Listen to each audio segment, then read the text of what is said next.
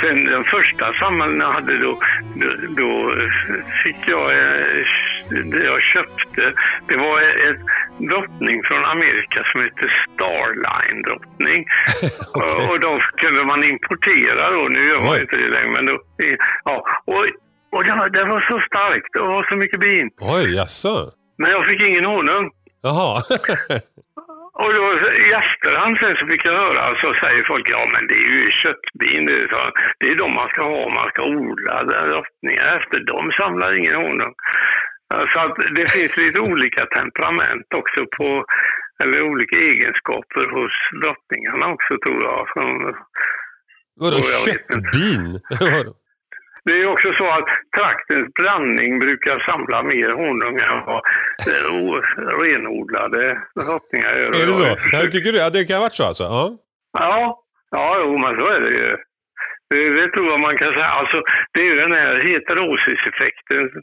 Alltså när man parar eh, renrasiga med icke renrasiga så får man i någon generation eller två en, en, eh, något som de kallar för heterosiseffekt. Det vill säga de blir mycket effektivare och, och, eh, och det, jag tror det är lite grann så med de många djur. Alltså Jaha, man, jaha. de där re, renavlade avelsdjuren, de ger inte lika bra som korsningarna sen gör.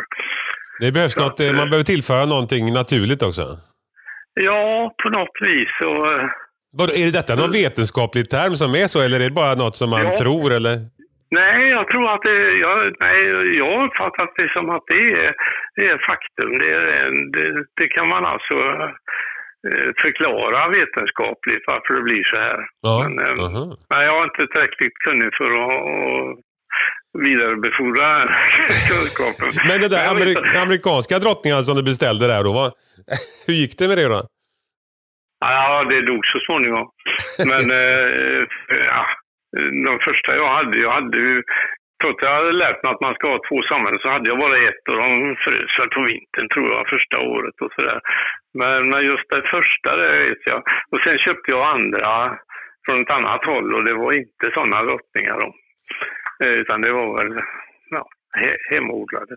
Men du sa att de kallade det köttbin bara för att man skulle odla fram, ha det för att odla fram drottningar så här, men Ja, för att då, då, skattar man på massa bin för att ha lite rätter och så. Va? Du, du behöver ju en massa bin för att para drottningarna. ja. Och då hade, då hade man, eh, vad jag har förstått, sådana bin som gav jättemycket yngel. Och då fick man mycket bin och då kunde man eh, befolka sina kassetter med, med bin ifrån det samhället. Aha. Så, så har jag förstått det. Eh, för att, ja, och jag tyckte ju de var jättestora och starka. De här som jag har nu är inte alls så, så kraftiga. Men de, som sagt, jag fick eh, inte många kilo honung i det. Nej, de som är här är väl mer anpassade kanske då så.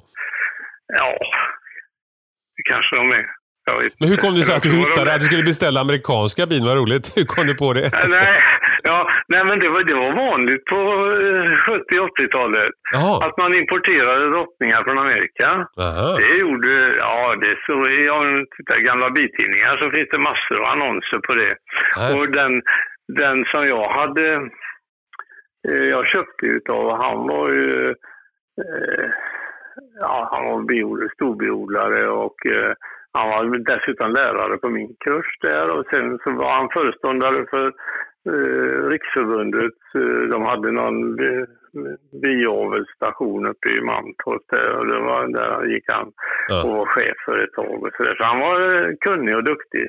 Så han hade väl eh, köpt hem lite drottningar för att ha till sina elever tror jag. Ja, så var det där man kunde köpa. Så du beställde inte direkt från USA då? Liksom. Nej, nej, jag beställde inte direkt. utan Jag köpte hela samhället med en sån drottning. Jag hade ju ingen aning om, om, om det då. Nej, Jag nej. nog inte ens att, den var, att det var en sån eh, amerikansk. Så att, eh, jag var glad att få ett bisamhälle bara.